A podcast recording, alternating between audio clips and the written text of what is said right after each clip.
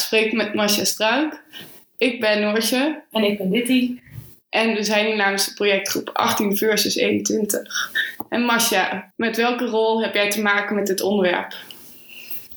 Oeh, nou ik ben ehm, heel erg betrokken bij de jeugdsector.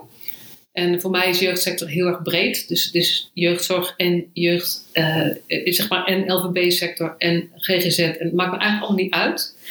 Maar ik vind eigenlijk dat iedereen, uh, misschien wel tot 27, uh, valt onder jeugd, jong, volwassenen. Dus jullie ook nog, volgens mij. Dus dat is wel heel leuk. Maar um, ik, ben, ik, ik, heb een missie om die liefdevoller en gelijkwaardiger te maken. en dat doe ik op allerlei manieren. Ik heb een boek geschreven in 10 stappen professional vanuit je hart. Heb een podcast zelf ook. Dus leuk om in jullie podcast te gast te zijn. Uh, en ik geef trainingen aan professionals en ik geef workshops. En ik mag af en toe uh, uh, voor een groep mensen staan om een verhaal te vertellen. En nou ja, daarbij gaat het ook heel vaak over de, de befaamde 18 min 18 plus grens. Dus zo ben ik erbij betrokken. En wat vind je van de hele 18 min 18 plus discussie die momenteel ook heerst? Ik vind het eigenlijk een non-onderwerp. Want um, het is helemaal niet zo dat, er, dat het zeg maar een. Uh, uh, zeg maar dat, dat het echt een ander deel van je leven is. Ja, natuurlijk bepaalde wettelijke dingen veranderen. Maar verder, of je nou uh, één dag ouder bent dan 18 of één dag jonger bent dan 18, je leven is gewoon hetzelfde. En um, wat ik heel erg raar vind, is dat, dat we zo kijken naar leeftijd, terwijl we um, veel meer zouden moeten kijken naar wat heeft iemand nou eigenlijk zelf nodig. En dat betekent dat we uh, soms op 17 nog te veel blijven doen, want hij is nog 17. Uh, en dat we als hij 18 is soms te weinig doen, want hij is nu 18, dus nu mag het niet meer. Dus ik vind dat, het veel meer, dat je veel meer zou moeten kijken naar wat is, uh, welk, wie is deze jongere, wat heeft hij nodig, wat wil hij? En wat heeft hij nodig om dan zijn dromen waar te maken of zijn leven op te bouwen? Ik heb ook veel gewerkt. Ik vind die 16 tot 27, dat is natuurlijk waar gemeente veel mee werkt. Vind ik al veel meer recht doen aan, uh, uh, aan het denken over, uh, over, over, ja, over deze jongeren wat nodig is. Want die 18 min, 18 plus vind ik echt een non-discussie. Oké. Okay. Maar is een beetje scherp eigenlijk. Ja, maar ik vind het wel heel mooi. Wel, wel een mooie scherpte leg je erop. Want inderdaad, die 16 tot 27 is natuurlijk ook nog niet heel oud. Dat ze dat nu inderdaad meer hanteren. Dat vind ik zelf persoonlijk ook wel een mooiere march om daar binnen inderdaad te kijken van ja, wat voor netwerk heeft deze jongere, waar wil die graag ook uh, gaan wonen. En inderdaad, uh, in het voorstukje, voor het gesprek die we net ook hadden, we doen nu ook heel mooi, ja, een kind of een jongere hoort ook onder de mensen te zijn. Uh, dat vind ik wel een hele mooie. Dus, maar kan ik er dan ook op van interpreteren dat eigenlijk jeugdhulpverlenging in jouw ogen een beetje zinloos is? Um nou, ik ben nooit zo heel zwart-wit. Ik vind, um, in ieder geval vind ik, je ik, ik vind niet dat je het standaard zou moeten afsluiten en ik vind ook niet dat je het standaard zou moeten verlengen. Ik vind dat je altijd op maat zou moeten kijken wat nodig is. Dus dat vind ik het lastige, want er is al, zijn al dingen mogelijk in verlenging. Dus dan denk ik, waarom moeten we er überhaupt over hebben? Want het kan al, als je, als je daar een goede argumentatie voor hebt. En nou weet ik wel dat gemeenten daar soms weer last Maar in de wet kan het gewoon. Dus dan denk ik, dan gaan we nu met z'n allen heel hard vechten dat het verlengd mag worden. Terwijl we volgens mij die energie veel beter zouden kunnen gebruiken om uh, de mogelijkheden die er al zijn meer te benutten. benutten. En veel meer met elkaar te kijken van, hé, maar hoe zorgen we nou dat er echt goed pakket op maat is voor deze jongeren? En pakket ik dan hulpverleningspakket mee. Maar uh, het wordt veel te veel gekoppeld aan leeftijd in plaats van aan de individuele situatie van de jongeren. En het moet ja, gewoon veel meer maatwerk moeten zijn. Ja. Nou, ja. wel mooi dat je inderdaad op de gemeente ook wel bij aanhaalt inderdaad. Want daar hebben, wij het jongeren ook heel veel over gehad. Van soms voelt het ook heel erg alsof het uh, een soort postcode loterij is. Dus het verschilt en het maakt heel veel in welke postcode je inderdaad leeft of eventueel je hulp krijgt.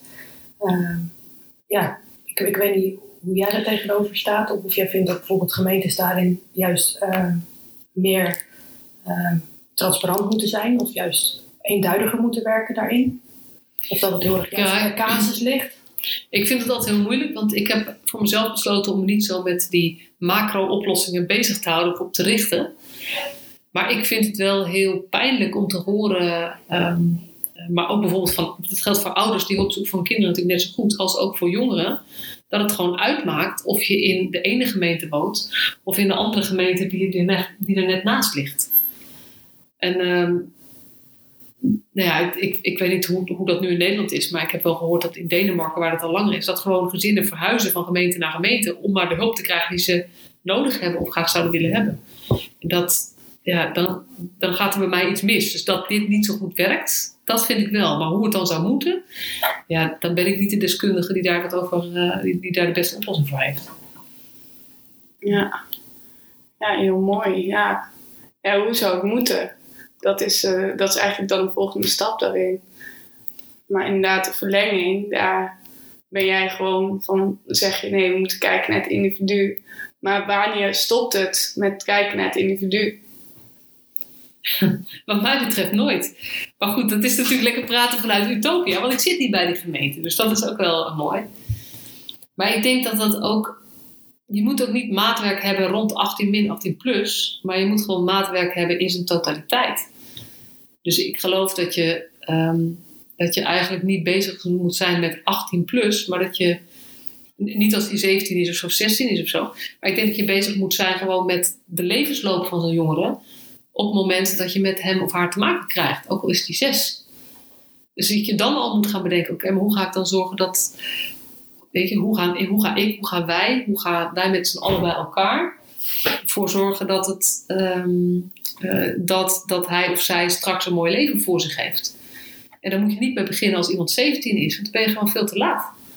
Dus maatwerk zit gewoon vanaf, dat zit vanaf het moment dat je start met de hulp, of dat er, dat er überhaupt een externe bij betrokken raakt, volgens mij. En dat er dan inderdaad heel goed gekeken wordt ook naar het netwerk. En waar komt het kind of jongere inderdaad van, vandaan? Is de kans op überhaupt weer naar, terug naar huis? Want dat is natuurlijk vaak nog wel het streven die we met z'n allen graag willen. Uh, is dat haalbaar? Of mag dat dan ook een belangrijke ander zijn als een oom? Ja. Of een Ja. zus van Ja. een vriendinnetje? Ik noem maar op. Ja, dat is, weet je, dat is een van de kerndingen in de trainingen die ik geef, de workshops die ik geef. En toevallig net, wat ik nog vertelde ik aan jullie, mocht ik bij de raad ook iets over uh, vertellen. Ik, mijn visie op jeugdzorg is dat we veel te veel naar de korte termijn kijken. En dat, dat geldt eigenlijk op elke leeftijd. Dus dat geldt bij 18 min 18 plus. Maar dat geldt ook als je nu een kind van 9 hebt. Dan kijken we wat is er nu aan de hand? Waar moet hij nu mee aan de slag? Wat zijn nu de doelen? Um, en waar gaat hij hierna naartoe? Zeg maar. Terwijl uiteindelijk is volgens mij de opdracht van jeugdzorg een heel andere. Ik zie als opdracht, maatschappelijke opdracht die wij hebben, is uh, jongeren en hun gezinnen, want dat hoort volgens mij gewoon bij, zo helpen dat ze een beter leven voor zich zouden hebben dan wanneer wij niet betrokken waren geweest. En dat maakt het gewoon heel anders. Dan, kijk, kijk je gewoon, dan ga je gewoon heel anders kijken. Het gaat niet alleen maar over zorgen dat hij het nu goed heeft. Maar het gaat veel meer over, oké, maar welke dingen doen er echt toe? En dan noem jij even netwerk. Ik, uh, ja, wat ik gewoon echt zo verdrietig vind, is dat heel veel jongeren die met jeugdzorg te maken hebben gehad en uit huis zijn geweest, het ervaren hebben dat de afstand tussen hen en hun familie alleen maar groter geworden is. En soms zo groot dat het bijna niet meer te overbruggen is. En ik vind dat we dat gewoon fout doen. Ik vind dat we dat heel, heel, heel erg anders moeten doen. Want uiteindelijk, als je naar een levensloop kijkt, is een kind maar heel kort uit huis. En dat is misschien een beetje naar om uh, ook tegen jullie te zeggen, want 12 jaar of zo is best wel heel lang. Maar als je 90 wordt, is dat heel kort. En dan gaan wij als deskundigen, soort van, die dan weten wat goed is voor zo'n kind, um, gaan er dan voor zorgen dat eigenlijk de mensen die daarvoor bij hem hoorden en die heel vaak daarna ook weer bij hem horen, dat dan die 12 jaar eigenlijk dat die eventjes op een zijspoor gezet zijn op afstand. Ik vind dat we dat gewoon niet kunnen maken. Ik vind dat wij moeten zorgen dat die lijnen, die levenslijnen die er zijn, hoe ingewikkeld ook soms, uh, die doen ertoe. En wij helemaal niet. Ja, en, en hoe wordt er dan ingekeken naar de communicatie, naar de twee verschillende levenslijnen? Zeg maar naar het netwerk, de communicatie naar het netwerk, terwijl het kind in de jeugdhulpverlening zit. Ja, voor mij is het heel simpel. Wie zijn de belangrijkste in het leven van het kind? En um, wie waren dat voor die uit huis ging? En wie zijn dat straks als jeugdhulp afgelopen is? En uh, als je dat weet, zijn dat degenen die het belangrijkste moeten zijn op het moment dat een kind niet thuis woont. En dat wil niet zeggen dat die communicatie tussen kind en ouders, of kind en opa en oma, of kind en broers en zussen makkelijk is. Maar wat we nu doen, is dat we het een soort van tijdelijk in een soort van pauzekast zetten. Waardoor een kind na zijn achttiende uiteindelijk zelf zijn shit weer moet oplossen meestal. En ik vind dat niet eerlijk. Ik vind dat wij als jeugdzorg, als professionals ervoor zouden moeten zorgen dat we kinderen en, ik noem maar even ouders, maar ook elke keer als ik ouders zeg, bedoel ik ook opa's, oma's, tantes, ooms, neefjes, nichtjes. En maar dat, wij ervoor moeten zorgen dat eigenlijk die, die band of die communicatie versterkt wordt. Uh, of dat ze in ieder geval leren om met elkaar te dealen. En nu doen we dat meestal niet, is mijn indruk. En nu komt het inderdaad vanuit mijn eigen ervaring inderdaad ook meer over dat mijn groepsbegeleider op dat moment even mijn papa of mama was. Ja. Uh, en dat ik maar naar hem of haar had te luisteren, anders waren dit de consequenties. Ja. Ik denk inderdaad dat je een hele mooie raakvlak daarin ook neemt van nee, wij zijn er juist voor. En ik praat dan ook voor mezelf als professional uh, om inderdaad juist te helpen en te ondersteunen bij het contact die er al is met een ouder of inderdaad een, een andere belangrijke ander. En ik denk dat we daar ook wel vaak inderdaad wel een plank mee misslaan. Uh. Ja, en heel vaak een goede... Ten, ten, ten, goede bedoelingen natuurlijk. Precies, ja.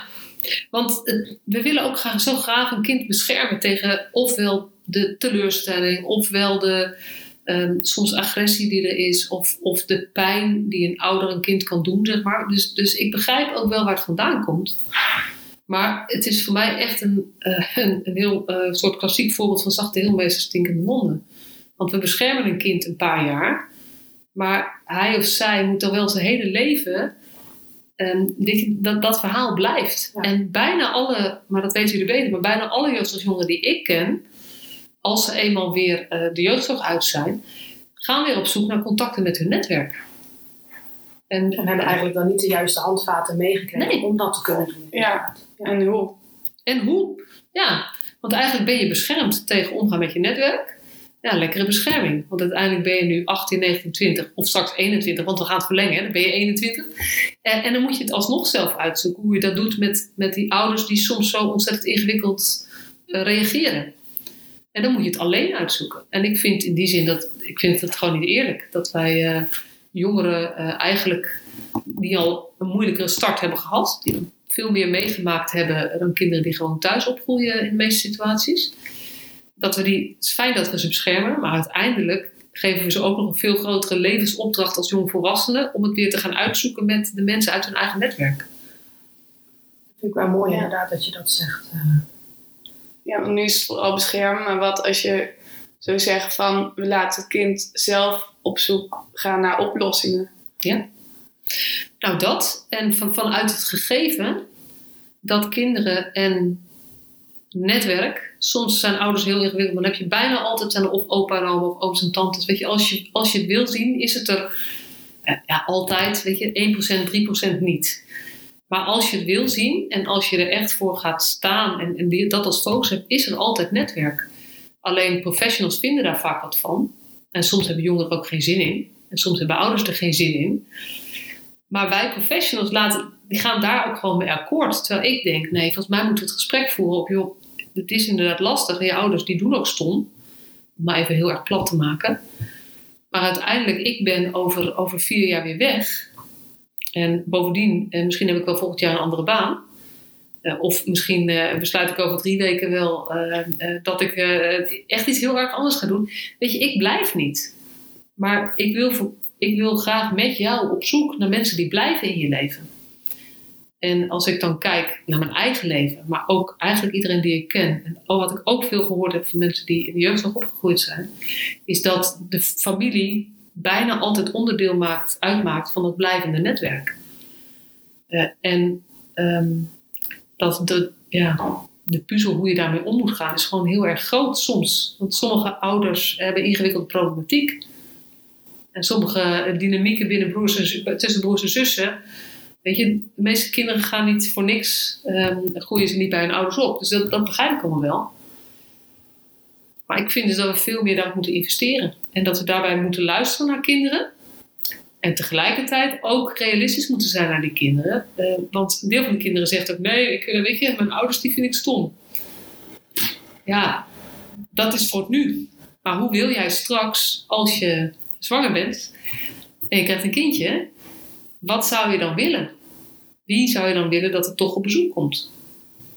En dan zijn er heel veel jongeren die uiteindelijk toch zeggen: ja, dan zou ik eigenlijk wel willen mijn moeder, maar het is ingewikkeld. Ja, het is ook ingewikkeld. Maar als je dat graag wil, zouden we moeten kijken hoe kunnen we dan nu zorgen dat je wel op de een of andere manier contact houdt. Want anders moet je het straks allemaal zelf uitzoeken. Dus ik denk eigenlijk dat gesprek zouden we veel meer moeten voeren met jongeren. Ja, en ik denk ook wel dat over het algemeen de meeste professionals dat ook het spannendste vinden om dat gesprek te voeren met de jongeren inderdaad. Als je inderdaad heel veel weerstand voelt of inderdaad dat ze heel erg in het hier en nu nog zitten. is eigenlijk nog heel erg ook wel vanuit hun ja, pijnlijke emoties en dan denk ik ook wel een heel groot deel teleurstelling die ze al hebben ervaren met, met diegene. Denk ik dat inderdaad dat het heel lastig is om, om als, als ik voor mezelf inderdaad ook wel voor Ik had nooit inderdaad op mijn vijftiende kunnen zeggen, nou eigenlijk zou ik heel graag een goede band met mijn moeder willen hebben. Helaas ben ik daar eigenlijk pas drie jaar geleden ongeveer achter gekomen dat ik wel dacht, jammer. Als er daarop was geïnvesteerd, had ik mijn moeder beter leren begrijpen. Wat ik nu inmiddels gelukkig wel met mijn opleiding heb dan geleerd, heb. Over haar problematiek inderdaad. Maar had ze mij misschien ook beter kunnen begrijpen. En ook wel beter mee om kunnen gaan met hoe communiceren wij. Uh, en ik denk dat professionals daardoor uh, daarin ook wel nog een hele grote leerschool hebben te maken met elkaar. Van hoe ga je dat ook aan met zo'n jongere en het gezin? Maar is dat inderdaad, is, is dat wel nog een heel groot vlak? Ik denk dat dat ook wel heel lastig ja. maakt. En ik denk van, inderdaad wat dit die zegt, hoe gaan professionals, het professionals de um, handvaten die zij kunnen uitreiken naar een kind toe om met het netwerk in contact te komen samen met het kind.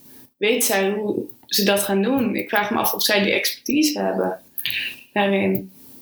En mag er niet dan allemaal hulpverleners weer bij komen en meerdere gezichten en noem het maar op.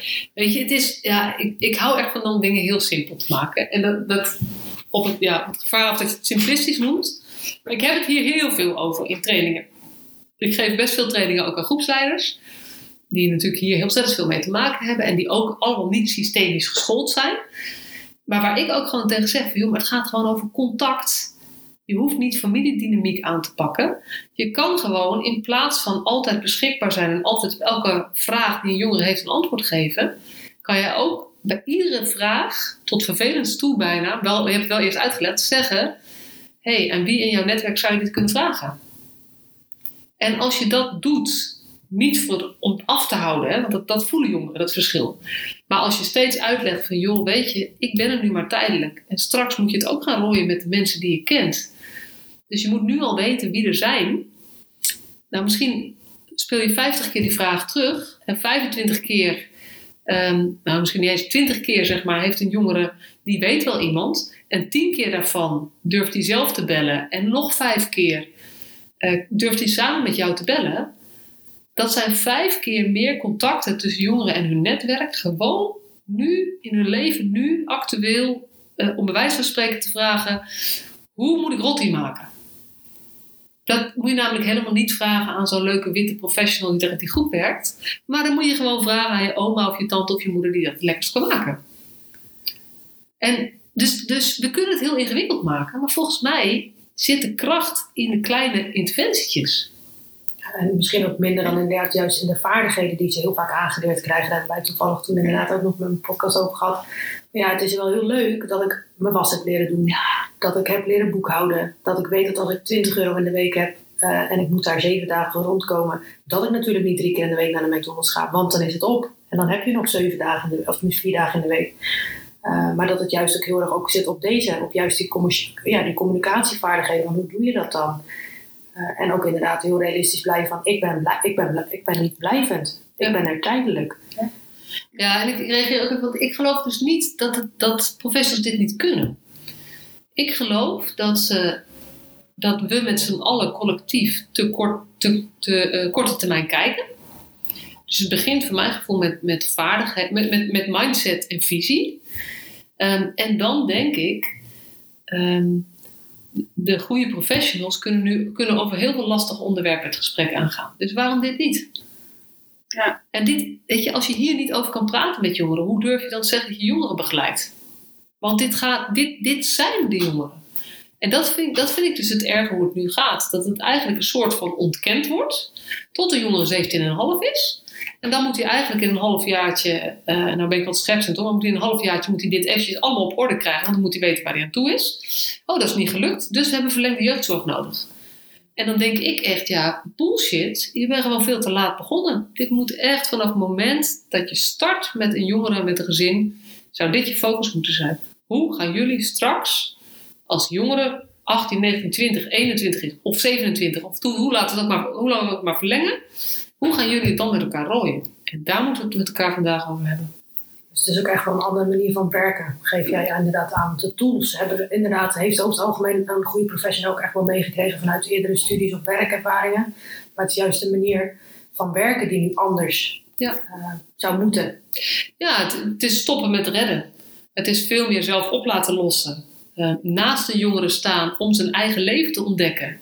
In plaats van een soort van voorstructureren en zeggen daar moet je wel aan houden, daar moet je niet. Waardoor een jongere ook niet leert vallen en opstaan. Uh, en hem liefst laten opstaan met hulp van zijn netwerk, in plaats van dat er altijd weer een professional klaar staat. Die professional is er wel, maar wat mij betreft moet hij 15 stappen achteruit. En pas zich ermee gaan bemoeien als het jongerennetwerk echt niet lukt. Maar we gaan eigenlijk ook vanuit zorgzaamheid en soms vanuit gemak uh, uh, veel eerder uh, ons ermee bemoeien. En daarmee ja, maken we ook dingen kapot die er, die er wel misschien waren. Ja, dat vind ik wel mooi dat je die ook inderdaad wel benoemt. Dat je inderdaad dan ook, zonder dat je, het, dat, dat je er erg in hebt of, of dat je het op die manier bedoelt, dat je dingen inderdaad ook stuk kan maken of, of mensen erin kan passeren inderdaad. Dat vind ik wel een hele ja. mooie inderdaad. En ik denk dat ook heel veel ouders dat misschien ook zo ervaren. Ook denk ik, weet het wel zeker. Waardoor er inderdaad heel erg het gevoel is van... hé, hey, maar mijn ouderrol is nu van me afgenomen. Ja. Terwijl jij zou er juist moeten zijn om ons daarin te ondersteunen. En Ja. niet om mij te vervangen. Inderdaad het netwerk weghouden eigenlijk bij het kind. Terwijl het netwerk inderdaad met die kleine contactmomenten al zo kan worden aangescherpt en verbeterd kan worden. En daar hoeft eigenlijk je niet zoveel voor te doen dan de telefoon op te pakken. Dat, en volgens mij zit, zit de grootste verandering ook in die kleine dingen. Het zit niet in meer gezinstherapie. Want nou ja, ik, weet, ik heb het nooit gehad. Als ik me voorstel uh, uh, dat, dat ik vroeger met mijn ouders in gezinstherapie zou zitten. Ik had het verschrikkelijk gevonden en mijn ouders, die hadden, weet je, dat, had niet gewerkt. Terwijl het, het gaat er niet eens over, volgens mij, dat die professionals moeten zorgen dat alle patronen goed worden. Want dat weten jongeren zelf ook wel dat dat gewoon heel ingewikkeld is. Maar volgens mij mogen wij gewoon niet laten gebeuren dat het contact verwatert. En dat is, zeg maar, nou ja, soms blokkeren we het gewoon zelfs. En ik denk dat, uh, dat als we daar mee zouden beginnen. En we zorgen ervoor dat de lijntjes die er waren blijven bestaan. en dat dat ook normaal is. Dus niet, uh, ik ben ook een beetje tegen bezoekafspraken van één keer in de twee weken op zaterdagmiddag een uurtje. Dat is namelijk geen contact. Dan zitten zowel ouders als kinderen in een kramp. En ik snap dat het soms voor de veiligheid nodig is, maar dan wel kortdurend als interventie. En je maakt me niet wijs dat bij alle kinderen waar nu zulke soort zijn, het ook echt noodzakelijk is om het zo te doen. Denk ik. Dat vind ik ook wel mooi dat je die inderdaad ook wel aanstipt. Inderdaad. Ja. Juist een, een, papa of een mama of een oom of een opa, dat maakt niet uit. Uh, zou eigenlijk inderdaad juist ook de telefoon kunnen pakken en kunnen zeggen van... Hey, ik zou graag vanmiddag mijn kleinzoon of mijn kind willen bezoeken. Ja. Uh, en dan nog niet eens de vraag van ik kom. Ja. En dat inderdaad ik als professional bijvoorbeeld zou zeggen, hoe laat komt u? Want dan bereid ik uw kind daar wel even op voor. Ja. Uh, en ik denk dat het juist meer ook vanuit dat perspectief moet inderdaad dan inderdaad wat jij heel mooi aanstipt, die één keer in de twee weken op een zaterdag van twee tot drie. En dan moet je het net hebben met ouders die toch wel in de stress zitten, omdat ze namelijk eigen problemen hebben en eigenlijk hun leven niet zo goed kunnen organiseren, wat van heel veel ouders zo is. Wat, ja, dat is nou helemaal zo, daar hebben we mee te dealen. Die bovendien gespannen zijn omdat van alle kanten ogen op ze gericht zijn of ze het wel goed doen. En kinderen die ergens zitten waar ze niet willen zitten, meestal. Soms hebben ze een goede plek, maar heel vaak uh, willen niet per se zitten. En die net op zaterdagmiddag, als er andere leuke dingen te doen zijn, dan komt je moeder op bezoek. En dan moet je daar braaf koffie zitten drinken en koekjes eten, bij wijze van spreken. We, we, we bouwen iets in, we maken het ingewikkelder. En ik denk dat we ongelooflijk veel zouden moeten normaliseren daarin, vanaf dat de kinderen gewoon heel klein zijn. Uh, en um, dat je daarmee ook voorbereidt dat er dus geen knip is bij 18. Maar dat, ik zie een veel meer soort vloeiende overgang um, uh, vormen. Waarbij het netwerk als vanzelfsprekend nou ja, misschien weer meer overnemen. Maar eigenlijk hadden we het niet moeten afnemen. Dus eigenlijk moet netwerk gewoon dingen blijven doen. Want dan is ook die gap, die gap niet meer zo groot. Ja, En waar je inderdaad eigenlijk de professional of de hulpverlener inderdaad juist meer uit zicht begint te raken. Ja. Ja, ja, die spontane contactmomenten. Van ik kom even nu. En niet de vaste prik op de zaterdag of op de zondag dat we, nou ja, na- in eh, de jaren 1900 nog naar de kerk gingen, om het zo maar te zeggen. Dat dat niet zo'n vaste prik wordt. En dat dat ook nu met die vaste knip van 18 is van de hulpverleners gaan weg, maar tegen wie ga jij dan aankijken en waar haal jij je hulp vandaan? Wie is er dan? Wie is er dan voor jou? Ja, en ehm, ik vind het ook niet eerlijk dat dan vanuit de hulpverlening op dat moment naar netwerk gekeken wordt, dat, dat, dan maar, dat die het dan moeten overnemen. Want die zijn eigenlijk jarenlang een soort van buiten gezet. Dus, dus ja, maar ik geloof, ik ben bij altijd op zoek, waar ligt je eigen invloed? Want natuurlijk kan je het ook van de andere kant bekijken. Je kan ook zeggen over, eh, over veiligheid. Je kan ook dingen ik, ik weet ook over eh, kinderen eh, eh, waar heel ingewikkelde gezinspatronen zijn en waar forse hechtingsproblematiek is. Dat die zo van in, in de war raken van het zien van hun ouders. Dan moet je het wel op een bepaalde manier structureren. Maar dan nog blijft voor mij altijd de vraag: als je dat dan nu doet als interventie, hoe ga je dan een kind helpen om het straks wel alleen te kunnen, ermee om te kunnen gaan? Want die ouders blijven die ouders met hun onvoorspelbaarheid. En ehm, hoe vind je een balans tussen eh, een veilige opgroeisituatie en leren dealen met je eigen leven? Ja, ja, inderdaad. Ja, het is het eh kijken naar het individu. En dat merk, nu, merk nu ook, eh, nu ik zelf eh, een van de professionals inderdaad ben, maar ook een ervaring rijk heb, denk nu ook van, ja, als mijn moeder naast me had gehad, dat, dan had het nu heel anders uitgepakt. Inderdaad. Ja, Ja, dat raakt me ook wel als je dat zegt hoor. Weet je, want ik, ik ken jouw persoonlijk verhaal niet. Dat, dat is ook niet iets om nu te delen. Maar ik denk wel, ja, wat voor krachtterm wil ik zeggen? Potje aan drie dubbeltjes. Nee, maar weet je, wat hadden wij anders kunnen doen? Zodat jij eh, en velen met jou niet alleen op de wereld staan. Ja, en ik denk wat wij anders hadden kunnen doen. En ja, wat ik nu anders ga doen, dat ga ik ook gelijk meegeven, is ondanks dat ik niemand wilde zien, wilde ik diep van binnen, mijn hart wilde wel mijn moeder zien. En dat was het vooral, het moment dat ik die schil om aandacht en eigenlijk die negatieve schil om aandacht gaf, wilde ik gewoon mijn moeder zien en wilde ik gewoon een knuffel, hoe stoer ik me ook van de buitenkant hield. Ja. Ja, en eh, dat, geluk, nou, ik ben nu blij dat ik dat net ook al gezegd heb. Je moet dus niet zomaar meegaan met jongeren die zeggen: nee, ik wil het niet. Maar uiteindelijk is het onze verantwoordelijkheid. Want wij weten, straks zijn wij weer weg en wie is er dan over voor dit kind? En als wij daar niet iets in doen, wij, wij professionals, dan moet het kind het helemaal zijn eentje oplossen. En was dat nou net, zeg maar, niet de opdracht van jeugdzorg? Om te zorgen dat het kind niet alleen is? Ja. Dus het is- Dat is wel mooi dat je die nog een keer aanhaalt. Ja. Want Zo inderdaad, als ik er zelf nu op terugkijk, dacht ik er ook toen de tijd over van yes, jullie zijn er om mij te helpen daarin. Terwijl eigenlijk inderdaad, als ik er nu op terugkijk, denk ik meer van oké, jullie hebben me op bepaalde vlakken echt wel beschermd voor nog meer ellende die ik anders had meegemaakt. Maar tegelijkertijd heb ik me al die tijd wel alleen gevoeld. Ehm, terwijl ik juist iemand nodig had. Want daarvoor word je denk ik ook wel uit huis geplaatst om daarin ondersteund te worden en daarin ook gezien te worden. En niet het gevoel te ervaren dat je zo alleen bent. En ik denk ook wel dat het inderdaad soms ook wel een beetje voelt dan als het met de kraan open dan. Want waarom bestaat jeugdzorg dan anders? Om daar een, jongere juist te ondersteunen, lijkt mij. En niet nog verder in een gat te laten vallen. En het is zo zonde inderdaad dat, nou, Noortje en ik natuurlijk eigenlijk vanuit de ervaringsdeskundigheidspositie hier dan ook dat gesprek met jou erover aangaan. Uh, en dat er menig andere jongeren zijn die dat zo ervaren. En dat is gewoon zo balen eigenlijk. Dat, dat we dit tien jaar terug nog niet konden aangeven van hé, hey, maar ik heb jou eigenlijk nodig. Ja. En ik denk dat dat ook nog wel iets moois is om misschien nog wel, ook wel mee te geven aan een van bijvoorbeeld Masja, um, als het morgen anders is, wat zou er dan anders moeten zijn voor deze jongeren? Nou ja, wat ik sowieso vind is dat, dat um, En hoe ga ik dit eigenlijk diplomatiek formuleren? Nou, weet je, mijn missie is natuurlijk liefdevol en gelijkwaardige jeugdzorg. En daar zit voor mij in, ik richt me op de professionals. Dat is de manier waarop ik graag zeg maar, professionals helpen uh, op een andere manier te werken, zodat ze betere jongeren en ouders uh, kunnen helpen. En dan gaat het voor mij over uh, liefdevol en gelijkwaardig. Liefdevol betekent voor mij, ga als professionals, zeg maar, weet je, sta ook gewoon toe dat je een beetje van die kinderen en die ouders houdt. Want dat voelen kinderen en jongeren en ouders.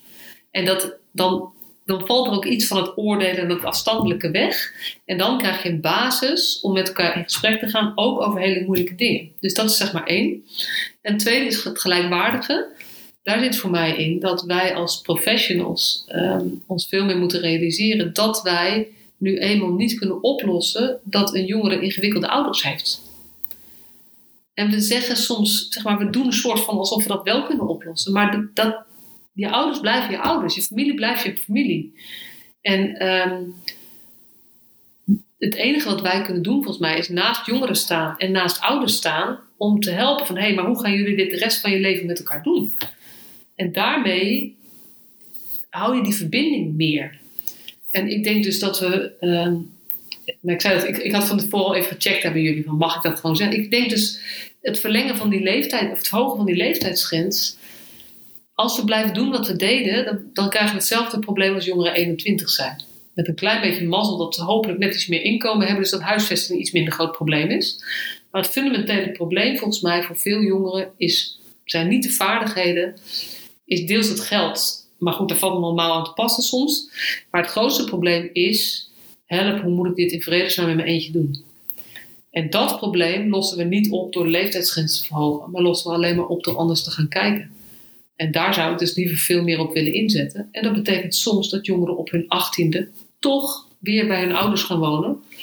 Omdat dat nu eenmaal zeg maar, de best betaalbare woonplek is. En ja, dat is ingewikkeld. Maar ze hebben de bescherming niet meer nodig. Want ze zijn inmiddels 18 geworden. En geen 5 meer. Ik vind die ook wel mooi dat je die nog aanhaalt inderdaad. Dan is het inderdaad al meer op het stukje huisvesting. Dus dan duiken we weer een heel ander thema in. Wat ook heel urgent is natuurlijk. Maar ik vind het wel heel mooi dat je dat wel aanhaalt inderdaad. Van, ja, ze hebben die bescherming dan niet meer zo nodig als toen ze vijf waren. Um, en ik denk dat dat ook nog wel heel mooi af, afleidt en, en, en toeloopt naar onze eindvraag inderdaad. Van wat zij de luisteraar over dit thema nog graag mee willen geven. Hou altijd levensloop in gedachten. En laat je niet verleiden tot wat is nu het probleem en hoe los ik dat nu op. Want ik ken ook heel wat voorbeelden van jongeren die prachtig uitgestroomd zijn na een jeugdzorgtraject. Waar huisvesting geregeld was, die daar gingen wonen. Waarmee het mis is gegaan omdat er gewoon andere dingen speelden en ze niemand hadden om bij aan te haken. En het gaat niet mis op, die, nou op al die vaardigheidsdingen die we uh, jongeren zo graag mee willen geven. Dus um, voor mij is, is um, het besef jij zei het heel mooi, dat, dat uh, je, je hebt het nodig om bij mensen te horen. En als jongeren in, een, uh, in de jeugdzorg verblijven, dan horen ze bij de groep. Maar dat is altijd tijdelijk. En als wij niet ons heel bewust zijn dat er iets moet zijn wat blijft, we kunnen niet van jongeren vragen dat ze dat uit zichzelf maar onderhouden. Dat kan gewoon niet. Dus ik denk dat, dat wij als professionals daar, uh, ons daarop zouden moeten richten. Hoe zorgen we dat jongeren gewoon een kring mensen om zich heen hebben. Uh, en hebben leren dealen met die meestal toch wel ingewikkelde familie. Um, voor als ze straks niet meer dagelijks ons, ons hebben om op terug te vallen. Ja, ik vind dat een hele mooie afsluiting. Ik vind een, hele, ja, een prachtig slot, ja. inderdaad. Om hiermee uh, de podcast af te sluiten. En dan hartelijk dank dat wij uh, bij jou thuis aanwezig mochten zijn om deze podcast op te nemen. En uh, ja, tot gauw. Ja. ja. Nou, heel graag gedaan. En ik voel me vereerd dat jullie dit gewoon, uh, dat jullie de eerste podcast met mij aandurven. Leuk.